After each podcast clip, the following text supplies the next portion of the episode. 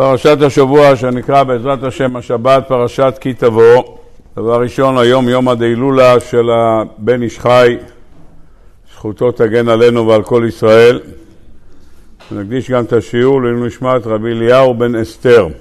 פרשת השבוע, פרשת כי תבוא, היא בעצם מבחינה רעיונית זה השבת האחרונה של השנה.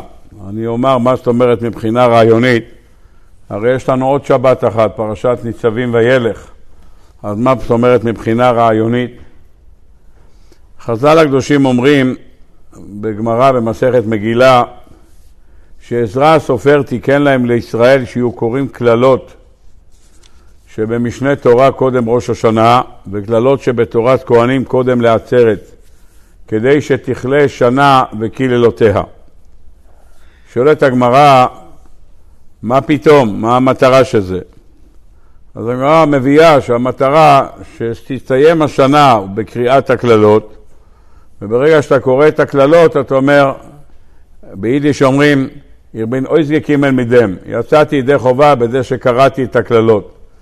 יש בחינה של ונשלמה פרים שפתנו, כותב הספר תפארת שלמה של האדמו"ר מרדומסק, וברגע שאתה קורא את הקללות, אז כביכול יצאת ידי חובה. קראתי קללות, ויצאתי ידי חובה באמירת הקללות. מעין מה שאנחנו אומרים, כל העוסק בתורת עולה כאילו הקריב עולה, וכל העוסק בתורת חטאת כאילו הקריב חטאת, כל העוסק בענייני קללות כאילו עבר את הקללות.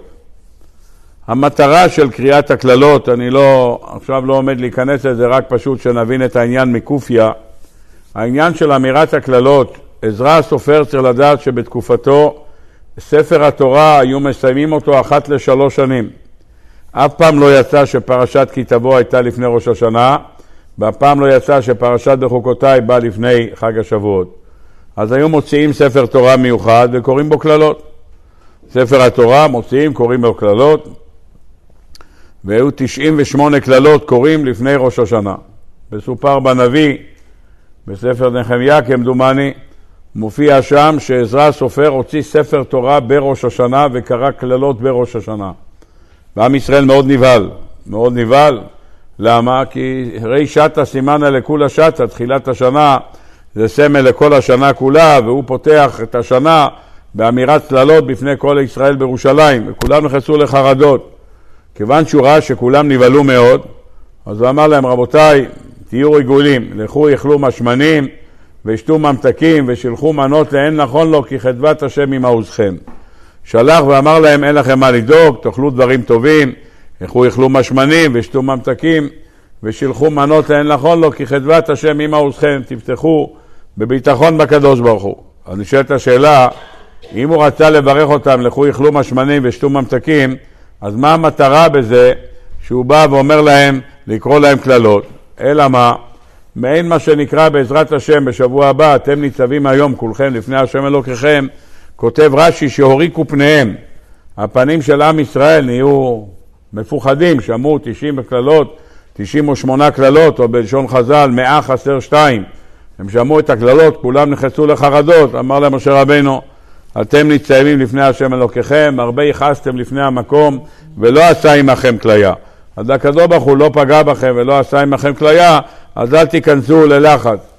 ולכן אותו דבר, גם כאן, גם פרשת כי תבוא, עזרא הסופר תיקן לקרוא את הקללות, והמטרה היא באמירת הקללות כדי שלא נחשוב שמגיע חג ראש השנה, אלה ימים של רגלים ושמחים, זה לא סוכות. אמנם כולנו יודעים שראש השנה הוא יום חג, אבל זה לא סוכות, זה לא זמן שמחתנו, זה יום הדין. וכשבן אדם מגיע ליום הדין והוא לא רואה דיין מול העיניים ולא רואה שופט מול העיניים, ולא רואה קטגורים ולא רואה סנגורים, והוא רואה ברוך השם על השולחן סימנים טובים, גם רוביה וגם סילקה וגם קרטי וגם תמרי, וברוך השם כל שנה מתווספים להם עוד כל מיני סימנים טובים, ברוך השם שמועיל לכל מיני דברים. נו, אז אתה לא מרגיש שזה אווירה, זה נראה לך אווירה פסטורלית כזאת, ראש של כבש וראש של דג ורוביה, ויהי רצון ויהי רצון ויהי רצון, זה כזה נראה דבר נחמד מאוד. אז דרך אגב, השלה הקדוש לוקח את כל זה כסימנים לדין, לא, לא סימנים. הוא שואל שם, אתה אוכל רימונים, אתה אומר, ירבו זכויותינו כרימון. אתה חושב שאם תאכל רימונים יהיה לך זכויות? אם תאכל רימונים יהיה לך ברזל, לא זכויות. רימונים, אמיץ רימון, עושה ברזל, לא מביא זכויות. מה זה, אני אוכל רימונים, יש זכויות? יש לך זכויות? אין לך, אין לך זכויות, אז מה זה יגיד לך, תאכל רימונים? אתה חושב שאם תאכל משטח רימונים, יהיה לך זכויות? מה, מה זה הרימונים? תאכל, ירבו זכויותינו. אלה שאוכלים רוביה, אותה שאלה, ירבו זכויותינו. מי שאוכל גם רוביה וגם רימון, אז ברימון הוא אומר שיהיה לנו מצוות מלאים כרימון. אבל האשכנזים, או שאומרים גם על זה וגם על זה ירבו זכויותינו, אז ודאי אתה שואל, מה ירבו זכויותינו? יש לך זכויות, יש לך מה, מה זה ירבו זכויותינו? מה, כותבנו בספר זכויות, מה זה כותבנו בספר זכויות? שנזכה לעשות זכויות, שנזכה לזיכוי הרבים. אז מה אתה אומר לי, רצון, כשאתה מדבר על הזכויות, כותב הספר שלה הקדוש, המטרה באכילה של הדברים האלה, אם לא התעוררת במהלך חודש אלול, אולי תתעורר עכשיו, בערב ראש השנה. עם מה אתה בא מחר? יש לך מספיק זכויות? עם מה אתה בא מחר לדין? אתה צריך, אתה בטוח שכף המאזניים מחר תוכרע בצד ימין? אולי זה יוכרע בצד שמאל ומי יודע מה יהיה. לכן אומרים, תאכל עכשיו רוביה ותתעורר שירבו זכויותינו. אתה יכול לקבל מצווה אחת שתביא לך מיליוני זכויות. קבל על עצמך ללמוד עוד דף אחד בגמרא ביום, חצי דף גמרא ביום, וכל המקבל עליו, אומרים חז"ל, מעלה עליו הכתוב כאילו התחיל, אז ברגע שאתה מתחיל, אז כבר יש לך את הזכויות. אז זה עצמו מהווה זכויות שאתה זוכה לעניין הזה. אז לכן צריך לדעת שגם הסימנים שאתה אוכל, כותב השלה הקדוש, אתה אוכל שם ראש של דג, אתה אומר שנהיה לראש ולא לזנב, או אצל ספרדים שאוכלים ראש של כבש, נראה לך שאם אתה תאכל ראש של דג, יהיה לך, אתה תהיה לראש בבית ולא זנב. אני מכיר אנשים שאוכלים כבר 40 שנה את הראש של הדג, והם עדיין הזנב בבית. אז מה זה משנה לך מה אתה אוכל? אולי תאכל שנה אחת זנב, ותיתן למישהו הראש בבית שיאכל הוא את הראש, ואולי זה ישתנה המצב. מה האמירה של זה שנהיה לראש ולא זנב? אז הוא אומר, כל המטרה, כותב השלב, שתסתכל על הדג הזה. היה לו תוכניות לקחת את אשתו, לנסוע לריביירה הצרפתית, הוא הבטיח לה, איך אומרים, אה, איך אומרים לזה, ירח דבש, הוא ייקח אותה אחרי החתונה, והנה עכשיו הוא אצלך בצלחת, אתה רואה? נגמרו התוכניות. אז בבקשה, אל תתרגש מהתוכניות, זה יכול להיגמר ברגע. מגיע דייג אחד, תופס אותך ואתה על השולחן, אז אל תתכנן תכניות לקראת השנה החדשה. הוא אומר, כל מה שיש כאן זה כדי להכניס אותנו לפרופורציה נכונה. אתה הולך להיכנס לראש השנה, תיכנס לפרופורציה, אל תקפוץ. זה המטרה שכתוב כאן בדברי רבותינו. אם ככה, גם הקללות שמופיעות כאן, ושעזרא הסופר תיקן את אמירת הקללות, זה הייתה פשוט להוציא אותנו מאיזושהי אופוריה ולחשוב שאתה נמצא בזה, ותפילה יפה, וחזנות, וזה נחמד, ושרים שירים יפים, אבל תדע שזה יום דין, ואתה לא רואה אותו, בשמיים אתה לא רואה, אתה לא רואה שיש דיין, זה לא שאתה בא לבית משפט ואתה רואה שופט ואתה רואה סנגור וקטגור, אתה לא רואה את זה מול העיניים. לכן, אמירת הקללות נועדה להכניס את עם ישראל לאיזה מין רגש של התרגשות לקראת ראש השנה. ברגע שבן אדם מתרגש ובן אדם מבין את המשמעות, אומר להם עזרא הסופר, עכשיו לכו יאכלו משמנים וישתו ממתקים ושילחו מנות לאין נכון לו, עכשיו הכל בסדר גמור. לכן כשבן אדם באמת נכנס למורב הפחד ומרגיש מורב הפחד, אז אפשר להמשיך לדבר איתו על דברים אחרים. אלה הדברים שכותב השלה הקדוש. אם ככה, אמירת הקללות בפרשה שלנו נועדה לסיים את השנה. תכלה שנה וקללותיה. אנחנו אומרים בפיוט אחות קטנה בכניסת, בכניסת ראש השנה, תכלה שנה וקהילותיה, תחל שנה וברכותיה. זו הבקשה שלנו. אז ממילא סיומה של השנה מבחינה מסוימת מתחיל בפרשה הזאת, פרשת כי תבוא. יש לזה גם המשך כמובן, גם פרשת ניצבים וילך, שמכינה אותנו לראש השנה. אבל אלה הדברים שכתובים בדברי התפארת שלמה. אני רוצה ברשותכם לפתוח ממש במילים ספורות סביב מצוות הביקורים ולהיכנס לנושא המרכזי שאני רוצה לעסוק בו היום, בסייעתא דשמיא. פרשת השבוע נפתחת במצוות הביקורים, מצווה ייחודית מאין כמותה, מצווה שהיו מעלים לירושלים, כל מביאי הביקורים היו עולים ביחד, היו עושים איזו חגיגה שלמה, כל אנשי מעמד מתכנסים לראש של מעמד, אנשי הדרום באו ביחד, אנשי הצפון באו ביחד, היו באים בכנופיה, היו באים בחבורה גדולה, והיה שור מהלך לפניהם, וקרנותיו, אומרים חז"ל, מצופים זהב, וכל הדרך היו שרים, שמחתי באומרים לי, בית השם נלך, היה אירוע מעין מה שאנחנו מכירים היום, שמחת אה, הכנסת ספר תורה. מכניסים ספר תורה וכולם רוקדים, כך היו עושים, היה שור הולך לפניהם, וכל אחד היה מחזיק את הסל ואת המקום שבו הביא את הפירות שלו, ומשבעת המינים היו באים, והיו הולכים לירושלים, וכשהיו מגיעים לשערי ירושלים, כמספר הבאים ככה היו יוצאים אליהם לקראתם. אם באו חמישים חקלאים, חמישים מבית המקדש יוצאים לקראתם. כל אנשי רחוב יפו היו מקבלים אותם, אנשי פלוני, מאיפה אתם? מברכים אותם שמחה וששון. דבר שלא מצאנו בשום אירוע אחר שמישהו מביא מעשרות, או שמישהו מפריש חלה, או שמישהו מביא כל תרומה אחרת, לא קורה לו מה שקורה במצוות הביקורים. אדם היה מגיע לעזרה, והיה מביא את הביקורים לכהן ומשתחווה לפני הקדוש ברוך הוא, כמו שאמר, והשתחווית לפני השם אלוקיך, כשהוא יוצא מהעזרה החוצה, הוא שומע בת קול שאומרת לו, כן תזכה לשנה הבאה, להתראות בשנה הבאה.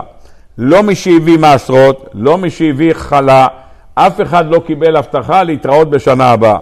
מי מאיתנו לא רוצה לעלות, אנשים נוסעים לאדמו"רים, לרבנים, לכל מיני מקומות כדי, כדי לקבל ברכות. הברכה, אתה עולה לבית המקדש עם ביקורים, בת קול יוצאת, אתה מביא אותה בחודש אלול, יוצאת בת קול, אומר שלא ימלא, איבער א יאר ווייטער בעזרת השם, ניפגש שנה הבאה עוד פעם. מי לא הולך לירושלים לקבל כזה ברכה? אז כולם היו משביתים את המלאכה שלהם. אם היה חקלאי, אם היה חקלאי אז הוא מביא, יש לו כמה מאות דונמים. אבל מדבר איתכם גם אדם פרטי שהיה גר בצפת או בכפרי, אני יודע, בקיסריה, יש לו וילה, ובחצר יש לו שתי עצי רימונים ושתי עצי תאנים, ועל החנייה מסתרג לו הגפן, והוא עולה לירושלים ומביא כמה פירות, הוא ברוך השם עובד לרופא שיניים, סוגר, שם לו שלט, אומר, נסעתי לירושלים להביא ביקורים, אני חוזר בעזרת השם בעוד שלושה שבועות. מה זה? אומר להביא ביקורים, מה קרה לך? אתה לא יכול לשלוח מישהו שיביא ביקורים? אומר, אני לא שולח מישהו להביא ביקורים, לא יוצאת בת קול. בת קול יוצאת, אם אני בא ומשתחווה, יוצאת בת קול ואומרת, כן תזכה לשנה הבאה. שאל האמרי אמת מגור, יוצא שחקלאים אף פעם לא מתו. אם כל שנה אמרו לו תזכה לשנה הבאה, יוצא שאף פעם הם לא מתו. אמר האמרי אמת, בשמיטה לא מביאים ביקורים כי זה לא השדה לא שלך. אם השדה לא שלך, שנה לפני, לפני שמיטה לא יצא בת אמר להתראות שנה הבאה, כי שנה הבאה השדה לא שלך. כל אחד יכול לקחת משם מה שהוא רוצה, אז לכן הוא אומר לא יצא. אלה הדברים שכותב האמרי אמת. יש שחולקים עליו, לא ניכנס לכל הדעות, אבל אלה הדברים שכותבים דברי רבותינו סביב מצוות הביקורים. המצווה של הביקורים ייחודית מאוד, זו מצווה שעוד לפני שיש פרי, הוא רואה פרי קטן מאוד על העץ, הוא כבר קושר עליו גמי ואומר זה אני אביא ביקורים. על ההתחלה, זה העניין של הבאתי לך מראשית פרי האדמה, הדבר הראשוני שראיתי אני מביא לך מתנה.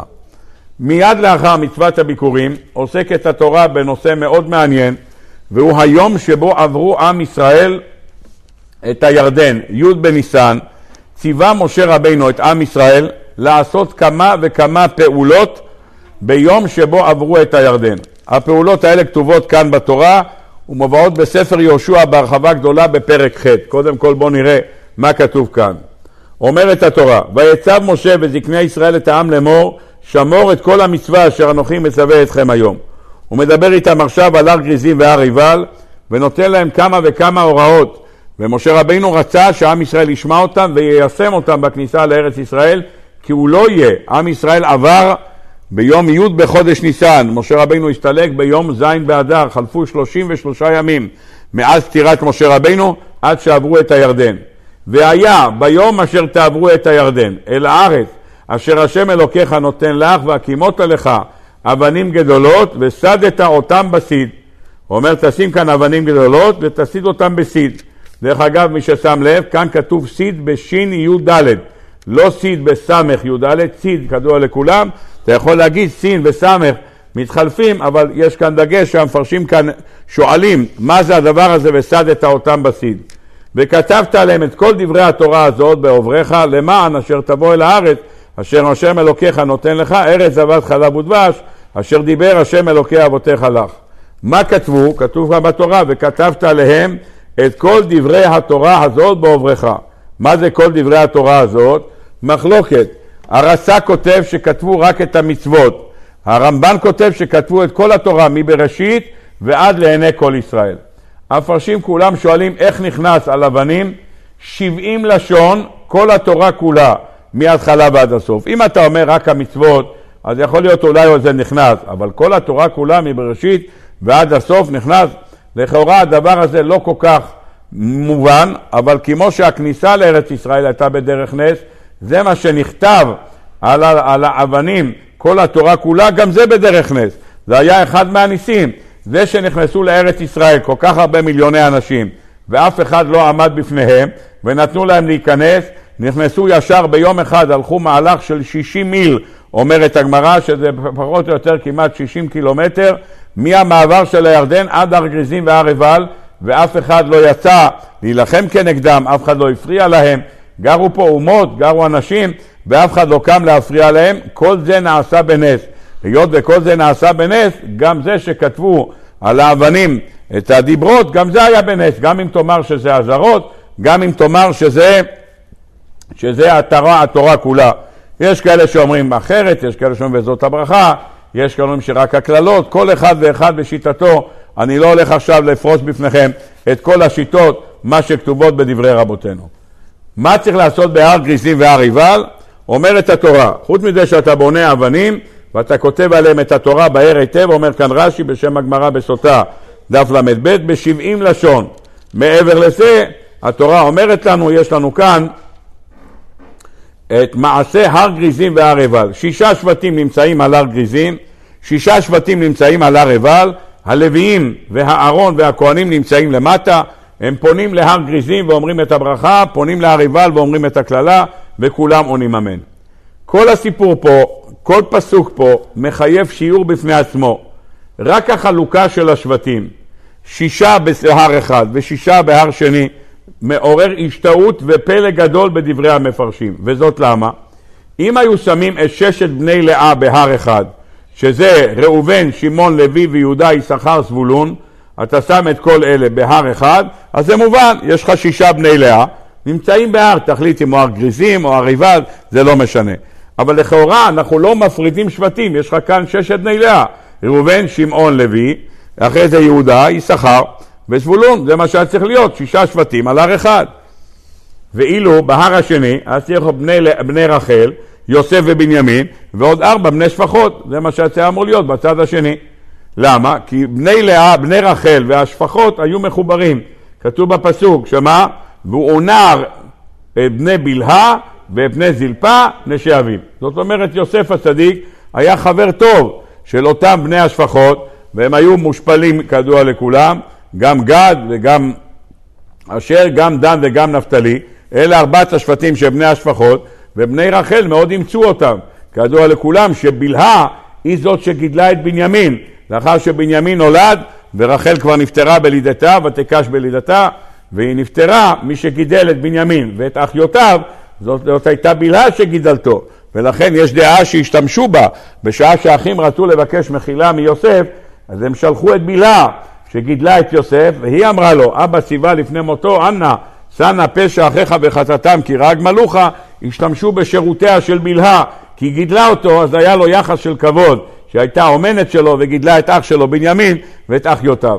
אז זה היסוד שמצאנו כאן. המפרשים פה, כל אחד הולך בשיטתו, גם מדרשי חז"ל, לנסות להבין מה מונח כאן.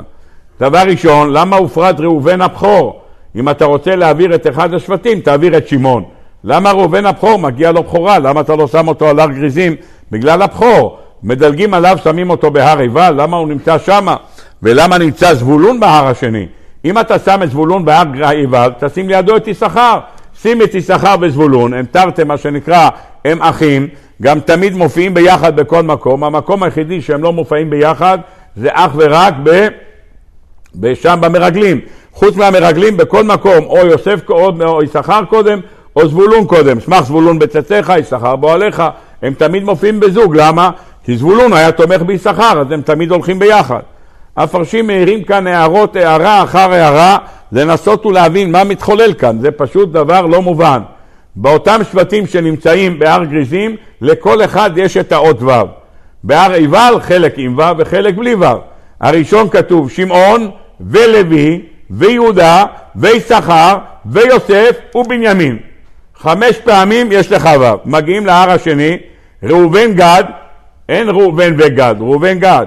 ואשר וזבולון, דן בלי ונפתליים. מה הסדר? מה, מה מתחולל כאן? מה צורת החלוקה שיש כאן?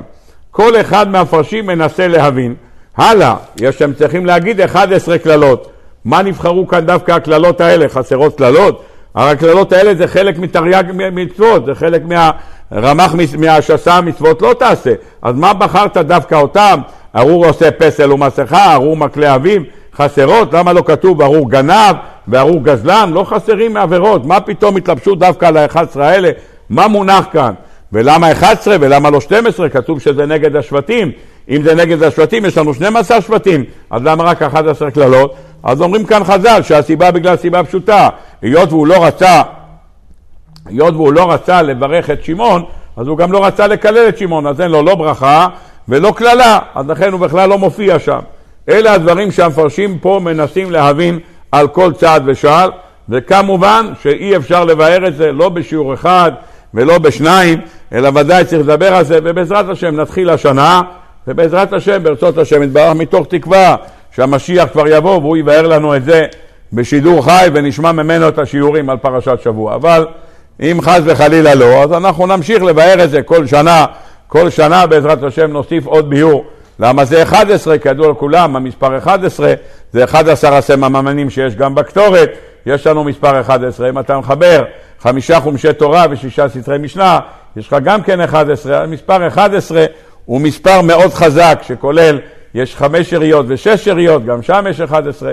המספר 11 זה מספר שנמצא בהרבה תחנות בתורה הקדושה, וכמובן צריך להבין גם כאן מה זה המספר הזה. אני רוצה ברשותכם לעמוד, לנסות ולבאר יסוד, והיסוד שאני רוצה לקחת מכאן הוא ההכנה שלנו לקראת ראש השנה. למה כוונתי? כוונתי היא לנס הגדול שקרה לעם ישראל במעבר ביום אחד, החל מהירדן בי' בניסן עד בואם אל המקום שנקרא הר גריזים והר עיבל. וזאת למה? מסיבה פשוטה מאוד.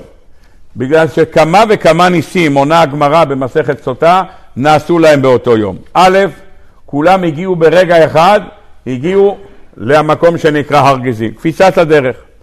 אני לא יודע כמה קפיצות הדרך מופיעים בתורה ובתנ"ך. ליקטתי קצת יש גמרא במסכת סנהדרין, אומרת הגמרא, שלושה זכו לקפיצת הדרך. מי זכה? אומרת הגמרא, אליעזר עבד אברהם, ואבוא היום אל העין, אומר רש"י, היום יצאתי והיום באתי. יעקב אבינו עבר בהר המוריה, הגיע לחרן, אומר מה, אפשר שעברתי על מקום שהתפללו בו אבותיי ולא בא, יאהב דעת אל המידר, קפצה לו הדרך, חזרה חזרה. אבישי בן צרויה, שהלך להציל את דוד המלך, גם הוא קפצה לו הדרך. פירוש הדבר, שאתה מוצא את העניין של קפיצות הדרך, בגמרא במסכת סנהדרין מצאנו את זה. עם ישראל שהוא קפץ מהעבר בירדן, 60 קילומטר, הם לא הלכו ברגל. אין מצב כזה שהולכים אנשים, נשים וטף ברגל 60 קילומטר, גם אם כולם ספורטיביים ואוכלים חסה וגזר. אין מצב שאדם הולך 60 קילומטר, ודאי נשים אחרי לידה עם ילדים קטנים, אין מצב. אלא מה? הקדוש ברוך הוא, כמו שנאמר, ואשא אתכם על כנפי נשרים. ואביא אתכם אליי, הקדוש ברוך הוא העביר אותם. לא נראה לי שהלכו על מדרגות נאות או משהו כזה, גם מדרגות נאות שעלו, על, אולי הלכו על מדרגות נאות וזה טס כמו הרכבת הקלה. זה יכול להיות שזה עובד ככה, אני לא יודע להגיד לכם, אבל בכל אופן, להגיד לכם שבן אדם הצליח ללכת 60 קילומטר, קשה. אמנם מצאנו בתרגום יונוס המנוסיאל על הפסוק ואשא אתכם על כנפי נשרים ואביא אתכם אליי, כותב שם תרגום יונוס המנוסיאל שבליל הסדר, כאשר עם ישראל נסע מרעמסי סוכותה, מהנסיעה שלהם, קורבן פסח שם הקדוש ברוך הוא את כל הגברים על כנפי נשרים, הביא אותם לירושלים, אכלו שם קורבן פסח וחזרו בחזרה. כך כותב תרגום יונתן מנוזיאל בפרשת, בפרשת יתרו, על פסוק ואשא אתכם על כנפי נשרים ואביא אתכם אליי. פירוש הדבר שהעניין הזה של קפיצת הדרך, המושג הזה של קפיצת הדרך, זה מושג שאנחנו, תודה, זה מושג שאנחנו לומדים אותו כמתנה שניתנה. רש"י אמנם כותב בתחילת פרשת דברים, כותב רש"י, 11 יום מחורב דרך הר שעיר עד קדש ברנע, כותב רש"י, למעשה הדרך הזאת לוקחת 11 יום, אבל עם ישראל עשה אותו בשלושה ימים. אז אני לא יודע אם עשו אותה בקפיצת הדרך, או שפשוט רצו מהר יותר. אינני יודע, לא כתוב ברש"י פרטים, אבל רש"י כותב שזה לקח שלושה ימים. לכן כאן זה הפעם הראשונה שעם שלם עובר ועושה 60 קילומטר ביום אחד, מגיעים להר גריזים והר עיבל. אומרת הגמרא, ומה עשו שמה? הביאו את האבנים שהוציאו מהירדן, והביאו את האבנים האלה וכתבו עליהם את ה-70 לשון ביום אחד, כתבו אותם. וסדו אותו בסיד, ועשו כל מיני פעולות מאוד יפות, ועמדו על הגריזים והריבל, והלכו לגלגל באותו יום. איך יכול להיות? אומרת הגמרא, הכל בנס, הכל בנס. לכתוב את התורה בשבעים לשון ביום אחד על אבנים, אם לא נס, מה זה? ודאי שהדבר הזה נעשה בצורה על-טבעית לחלוטין. וכל אחד שואל את עצמו, ואם זה היה לוקח שבועיים, ואם זה היה לוקח שלושה שבועות, מה הפאניקה הגדולה? הרי בסדר בנביא, כשאתה מסתכל בספר יהושע, לא כתוב שהם עברו ישר להר גריזים והר עיבל. קודם כל הלכו ליריחו, שהלכו לרגל את יריחו, ואחרי זה חזרו המרגלים, יהושע וקראו לו אה, כלב ופנחס, הם חזרו בחזרה ודיווחו למוישה רבינו. ואחרי זה באו וכבשו את יריחו כהנים ושופרות, ואחרי זה היה מלחמת העי, ורק כשמגיעים לפרק ח' שם היה הר גריזים והר עיבל. אומר שם רש"י, הר גריזים והר עיבל בפרק ח' זה לא כסדרו, אין מוקדם ומאוחר בתורה. ודאי שקודם כל הלכו להר גריזים והר עיבל, רק התורה אחרי זה חזרו וכבשו את יריחו בהמשך. רבותיי, מה כל כך דחוף? יכבשו את, את יריחו, יהיה מלחמת העי, ילכו כסדרו, יגיעו בעזרת השם עד שכם, ושם בעזרת השם יהיה הר גריזים. מתי זה יהיה? שנתיים אחרי שנכנסו לארץ. מה דחוף שהדבר הראשון שיעשו בכניסתם לארץ, הר גריזים והר ורבל, יעמדו שם, יקבלו 11 ברכות ו-11 קללות, ויכתבו את ספר התורה ב-70 לשון על אבנים שגודלה שכל אבן הייתה 40 שאה. מה, מה מונח כאן? מה הסודות הטמונים כאן ביסוד הזה?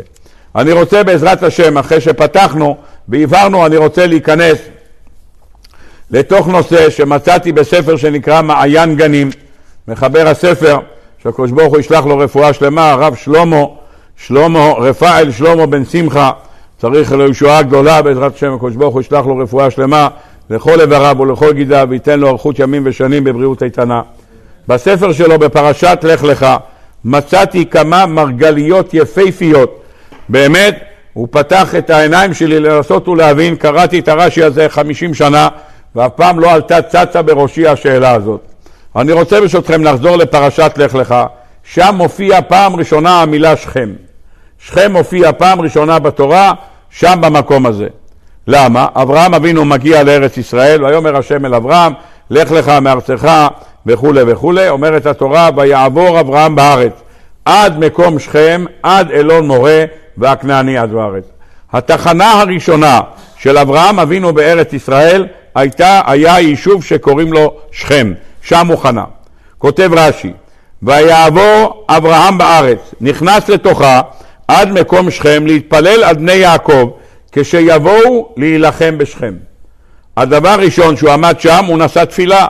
תפילה חרישית לקדוש ברוך הוא. הוא ראה ברוח הקודש מה עתיד להיות בשכם, שיגיע שכם בן חמור ויחטוף את דינה, ואז הוא יחזיק אותה וינסה לפייס את יעקב אבינו ולהציע לו מה שנקרא מזרח תיכון חדש. בואו נעשה סחר, אנחנו נקנה ממכם, אתם תקנו מאיתנו, בנותיכם תיתנו לנו, בנותיכם נתנו ניתן לכם. פוליטיקאי מתחיל, כמו אדון שכם בן חמור, הבטחות על הקיר. את הבנות שלהם ניקח, אין להם בת אחת הייתה והוא כבר סחב אותם. אבל כדי לשכנע את כולם שכדאי להם למול, הוא אומר, אנחנו ניתן להם את הבנות, הם ייתנו לנו, אנחנו בעזרת השם נעשה, חוץ מזה שהוא אדם עשיר מופלג, אתם יודעים שהוא בא כאן עם צאן, חז"ל הקדושים אומרים שישים ריבו כלבים, שומרי עדרו של יעקב אבינו, הוא לא פחות מביל גייט, רק הספק של הבונזו, מי שזוכה בזה, יכול להיות ביל גייט חדש. אז כדאי לכם לעשות איתו מסחר, בואו נמול רק מה שהוא רוצה למול, וככה עבד עליהם וכולם נימולו וניצלו את זה שמעון ולוי והרגו אותם. על זה הוא התפלל. כך כתוב ברש"י, התפלל על הילדים שלו. שואל הספר, דבר יפה מאוד, שואל הספר, אני לא מבין מה הוא רוצה. למה? מעיין גנים. הוא אומר, אני לא מבין. בשכם זה היה הדבר הראשון, הדבר הראשון שקרה בשכם שחטפו את דינה. דינה נחטפה על ידי שכם בן חמור, הוא היה צריך להתפלל שמה? שדינה לא תיחטף. מה אתה מתפלל, שבני יעקב יילחמו? מה אתה מתפלל על זה? קודם כל תתפלל שדינה לא תיחטף. וזה הדבר היחידי שקרה בשכם. יוסף נמכר למצרים משכם, תחנת המוצא שלו למכירה, לרדת לגלות מצרים הייתה בשכם. למה?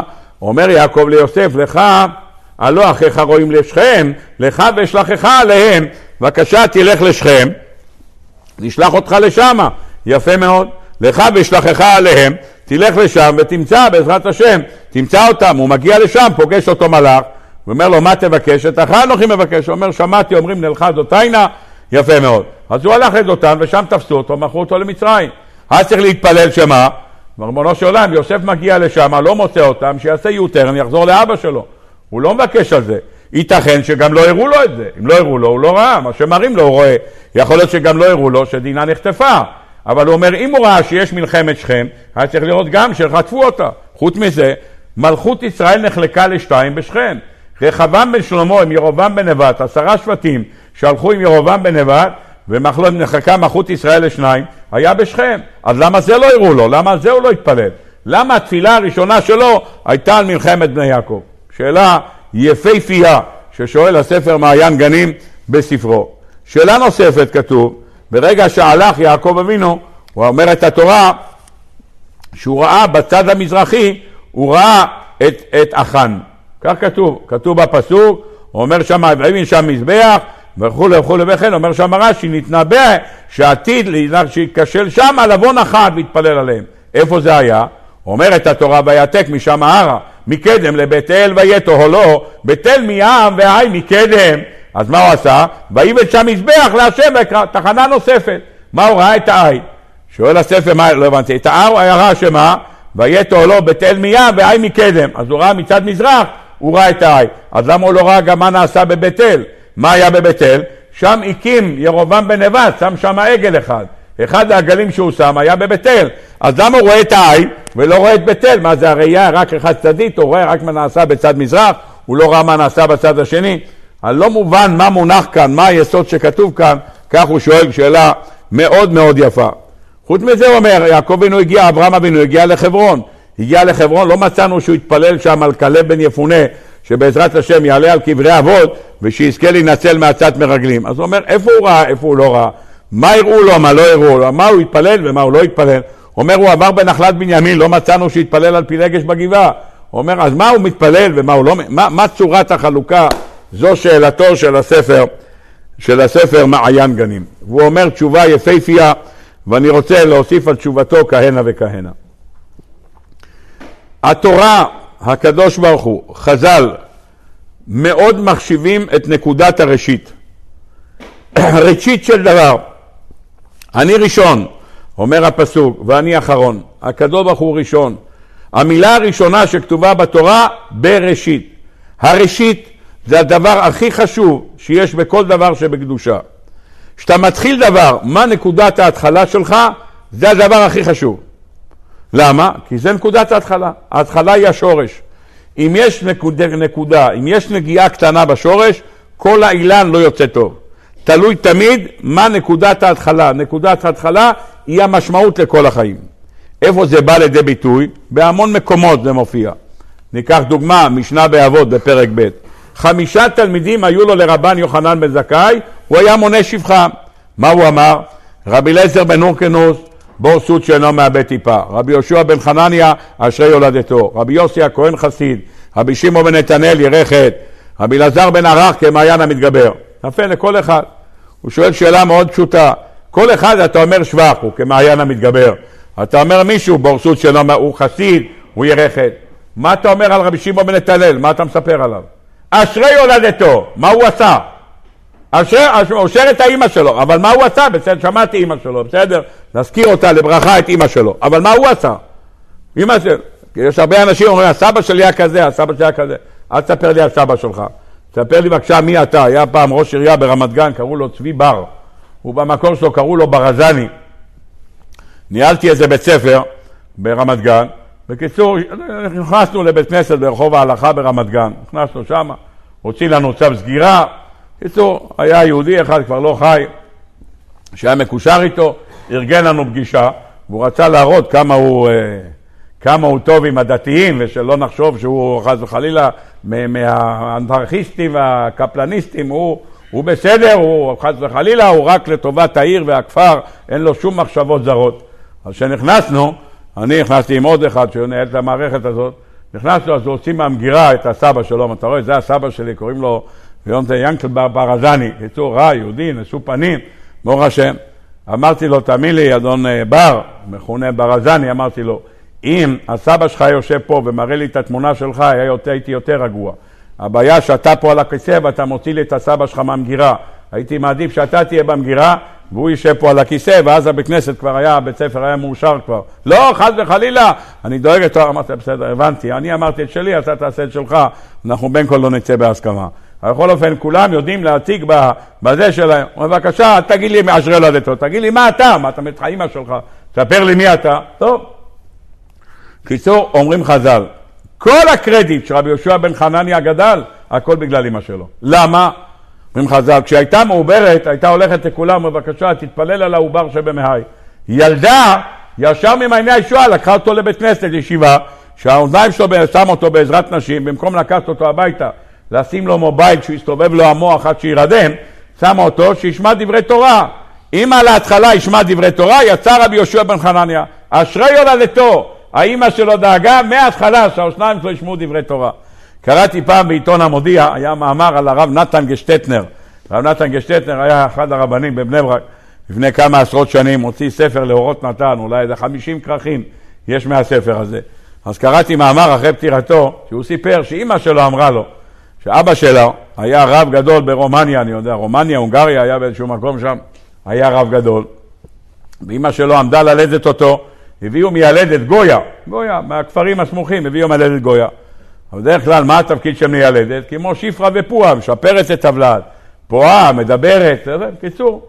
בקיצור, היא באה המיילדת, אומרת לה הרבנית גשטטנר, אומרת לה מיילדת, אני מבקשת, לא מדברת, עד שאני אתן לך את האות. לא צריכה, בדרך כלל מיילדת אומרת, איזה ילד חמוד, אה, משהו, לחיים, דומית לסבא אלימלך, הטלטל זה סבא, סבתא דבורה, והשיניים זה כמו סבא זלמן שכבר אין לו שיניים. בקיצור, נותנים מיד קומפלימנטים המיילדת, איזה ילד, בחיים לא ראיתי כזה חלק, כאילו יצא מהז'ורנל.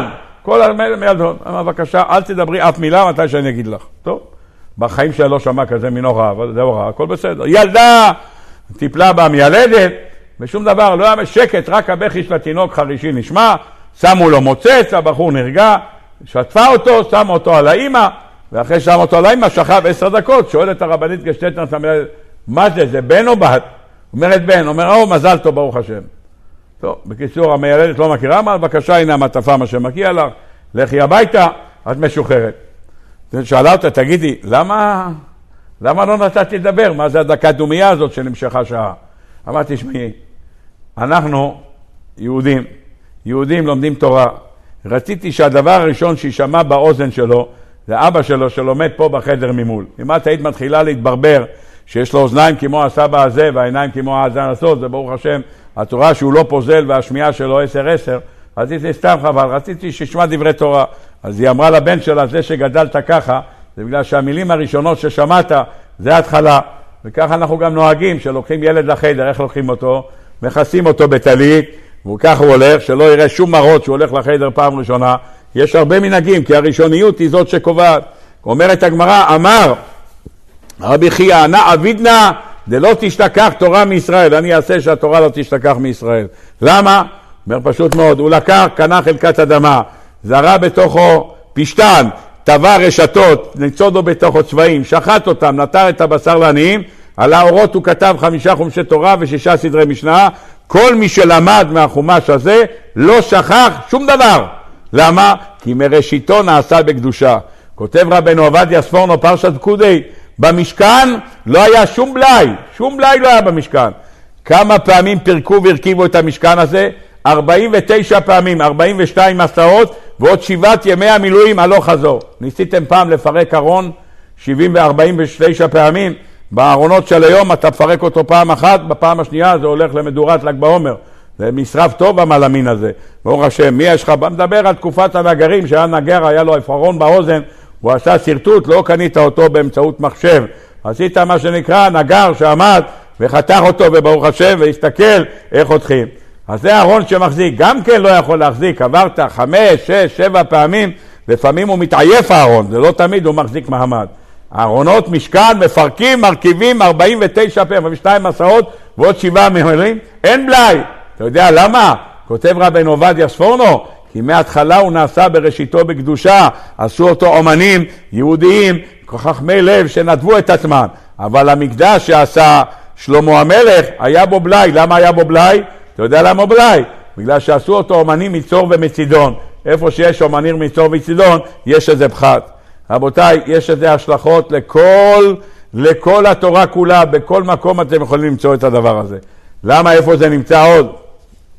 רבותינו מלמדים אותנו, התנא הידוע, אלישע בן אבויה, המכונה אחר, הוא מארבעה אנשים שעלו למעלה למרום באמצעות שם, ביחד עם רבי עקיבא, עלו למעלה, וחזר ופקר וירד מן הדרך. הוא מספר לרבי מאיר, התלמיד שלו, הוא אמר לו, אתה יודע למה ירדתי מן הדרך? שהיה לי ברית, אבויה היה אבא שלי מחשובי ירושלים, וכולם הגיעו, רבי אליעזר ורבי יהושע, כך תוספות מביא שם ירושלמי, והם התחילו, הסנדק, איך אומרים, המוהל עוד לא הגיע, אז במקום לזה ישבו בחוץ, דיברו בלימוד, יצאו למרפסת, התחילו לדבר בלימוד, כי שם היה כל מיני פוליטיקאים וכל מיני כנראה אנשים. בקיצור, דיברו בחוץ, התחילו עוברים מתורה לנביאים, מנביאים לכתובים, ועברו ודיברו, והייתה שמחה אצלהם כמו מתן תורה, ירדה אש מן השמיים והקיפה אותם. צעק להם אבויה, רבותיי, באתם לשרוף לי את הבית, אין לי אפילו מטף כיבוי. מה עשיתם? אמרו לו, אנחנו, לא, זה לא אש קונבנציונלית, זה לא ל"ג בעומר, זה שום דבר לא. דיברנו בתורה ועברנו מנביאים ככה זה האש הזאת, זה אש רוחנית. חייכם, אומר, אם הבן שלי יגדל, אני מקדיש אותו לשמיים, הוא יהיה תלמיד חכם. אמר אבויה, אמר אלישע לאמר רבי מאיר תלמידו, זה שגדלתי ככה, זה לא בגלל שאבא שלי הקדיש אותי לשמיים, כיוון שהוא רצה שאני אהיה תלמיד חכם. הוא ראה שתלמידי חכמים יוצאים ליצור מדורה וירטואלית מסביבם. אומר, או, אם יש מדורה וירטואלית, אז כדאי להקדיש אותו לשמיים. ולכן יצאתי איך שיצאתי. למה הבאתי לכם את כל זה? כי אנחנו עומדים בערב ראש השנה. אומרת הגמרא במסכת כריתות, מסכת הוריות, היות ורישת הסימנה לכולה שתה, לכן צריך לאכול רוביה וסלקה וקרתי ותמרי, וברוך השם, אי אפשר למנוע סום קירה מהם. ברוך השם, הגמרא מביאה ארבע, ועל זה נוספו, ברוך השם, עוד ארבעים, כל מיני רצון שאוכלים בסייעתא דשמיא, וכל שנה אתה שומע מנהגים חדשים, למה לא? ברוך השם, לאכול הכל טוב, צריך לדעת למה אנחנו אוכלים גם רימון וגם רוביה, כי שניהם אומרים ירבו זכויותינו, למה צריך כל כך הרבה זכויות?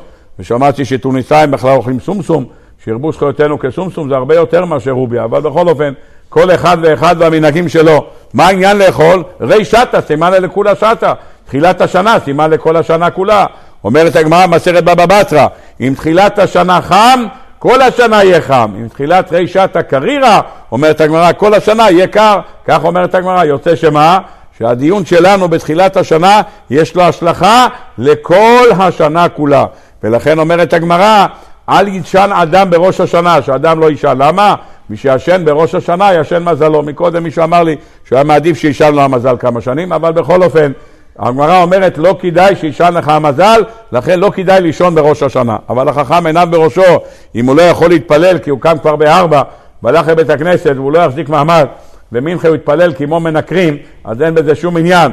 עדיף שירדם לו המזל, מה שירדם בשמונה עשרה. לכן, צריך לדעת את היסוד הזה שתחילת השנה יש לו משמעות לכל השנה כולה. למה הבאתי לכם את זה? בגלל שאנחנו נמצאים כאן בסייעתא דשמיא בפרשה שהקדוש ברוך הוא לקח את אברהם אבינו והביא אותו לשכם תחנה ראשונה. התחנה הראשונה של אברהם אבינו, שם הוא בנה את המזבח הראשון. המזבח הראשון שבנה אברהם אבינו להודות לקדוש ברוך הוא על בשורת ארץ ישראל. הקדוש ברוך הוא הראה לו, אמר זאת הארץ, אתן לזרעך. קם אברהם אבינו, קם והקים שם מזבח. מאז למדנו שהמקום הראשון, התחנה הראשונה, ההוויה הראשונה, אברהם אבינו ראש למאמינים, אומרים חז"ל, ראש לאבות הקדושים, זה אברהם אבינו. אברהם אבינו, התחנה הראשונה שלו הייתה שכם, בכל פינה אפשרית שנכנסו לארץ, כולם נכנסו לשכם תחילה. איפה? יעקב שחזה מחרן, מה הייתה התחנה הראשונה שלו? הוא היה בסוכות שנה וחצי, אבל סוכות, אומרים חז"ל, היה בעבר הירדן. איפה נמצא ארץ ישראל? ארץ ישראל זה שכם, זה התחנה הראשונה. אברהם אבינו ראה את התחנה הראשונה, הוא לא ראה את דינה. למה הוא לא ראה את דינה? כי דינה, מה שהיא קיבלה, את מה שהיא עברה, זה לא, זה לא עבירה של כלל ישראל, אלא עבירה של מי זה? של שכם בן חמור, הוא עשה את זה. אז העבירה שלו, מה שנבעה יעקב אבינו, מה שראה יצחק, אברהם אבינו, הוא ראה דבר אחד, הוא ראה את החטאים של בני יעקב, וזהו נבהל. אם המקום שלי הוא הראשית, והראשית היא זאת שקובעת שכולה בקדושה, איך יכול להיות שבני יעקב עושים בשכם מעשה שלא יעשה? למה? יעקב אבינו אומר, אחרתם אותי לאבישני ביושב הארץ, איך זה יכול להיות? אמר יעקב אבינו, אם ההתחלה שלי בקדושה ואני מקים מזבח, התוצאה אחר כך שבני יעקב יקימו שם, יקימו שם מלחמה נגד דעתו של יעקב אבינו, אז זה לא יעזור מה שאני פתחתי בשכם. היות והוא התפלל על העניין הזה שיעקב אבינו לחמו בשכם, הראה לו הקדוש ברוך הוא עוד דבר שיהיה בשכם. מה הראה לו? הראה לו הקדוש ברוך הוא הר גריזים והר עיבל, אומר אל תדאג. גם הכניסה הבאה שעם ישראל יעבור את הירדן, איפה הוא יעבור? הוא יעבור את הירדן ויגיע ביום אחד לשכם. למה? כי שם התחנה הראשונה של אברהם אבינו, שם התחנה הראשונה של יעקב אבינו כשהוא חזר, זו התחנה הראשונה של עם ישראל.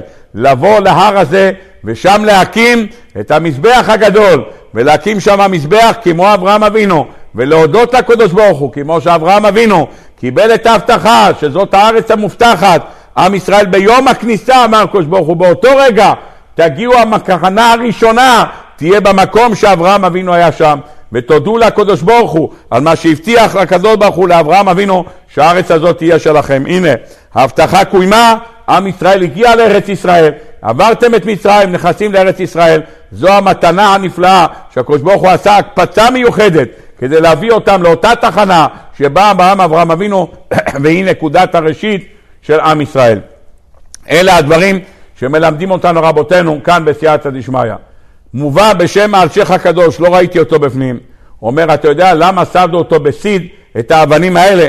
אומר, האבנים שציווה הקדוש ברוך הוא לשים שם, ועליהם כתובים, או שכתובים שם האזהרות, או שכתובים שם מבראשית ועד וזאת הברכה, עד לעיני כל ישראל, כמה דעות, הרמב"ן אומר, כל התורה כולה, רס"א כותב משהו אחר, כל אחד ואחד ושיטתו. אומר, סדו אותם בסיד, למרחק, כל אבן הייתה ארבעים שאה, כולם ראו אותה למרחקים, אבן ענקית מאין כמותה. אומר אתה יודע למה סדו אותם בסיד? הסיד שכתוב שם הוא לא סיד בסמך, הוא כתוב שי"ד. איפה האותיות שי"ד נמצאות? אומר אלשיך הקדוש במזוזה, יש לך שי"ד. כלומר, הקדוש ברוך הוא עשה מזוזה בכניסה לארץ ישראל. אלה אבנים וסד אותם בשיד, אומר שיד זה שין י"ד, זה שין, שם ש"ד י', זה שמו של הקדוש ברוך הוא. האבנים האלה, זאת הייתה המזוזה של עם ישראל. לומר, הארץ ישראל היא ארץ ישראל בתורתה. כששומרים את התורה, זה הקדושה של ארץ ישראל. כשרוצים לעקור את התורה, מאבדים את הקדושה של הארץ הזאת, מאבדים את הזכות של הארץ הזאת.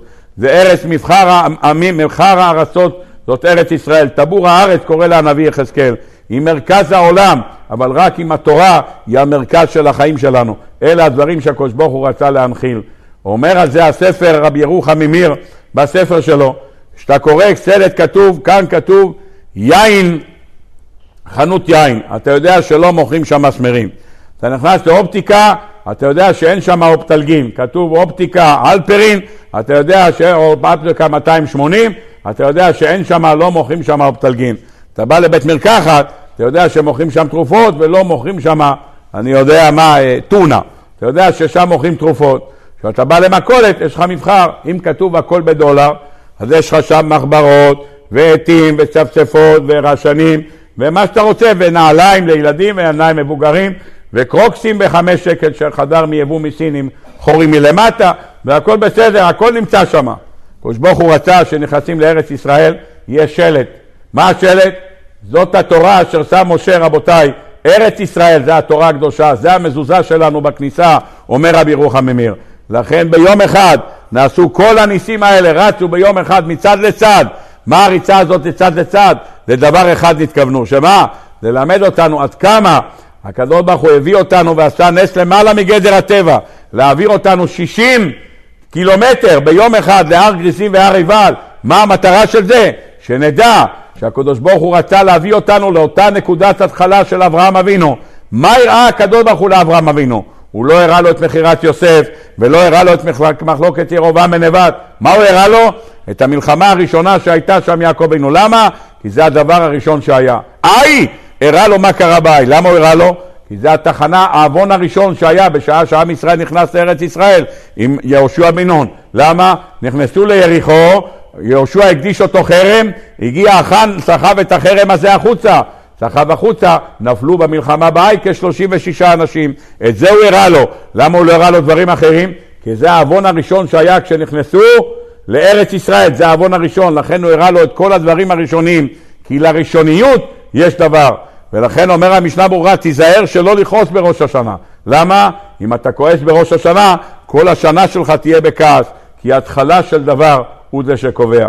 בפרשה שלנו למדנו שני יסודות. האחד, מצוות הביקורים, רואה אדם, תפ... רואה אדם רימון, קושר עליו גמי. למה? הבאתי מראשית פרי האדמה.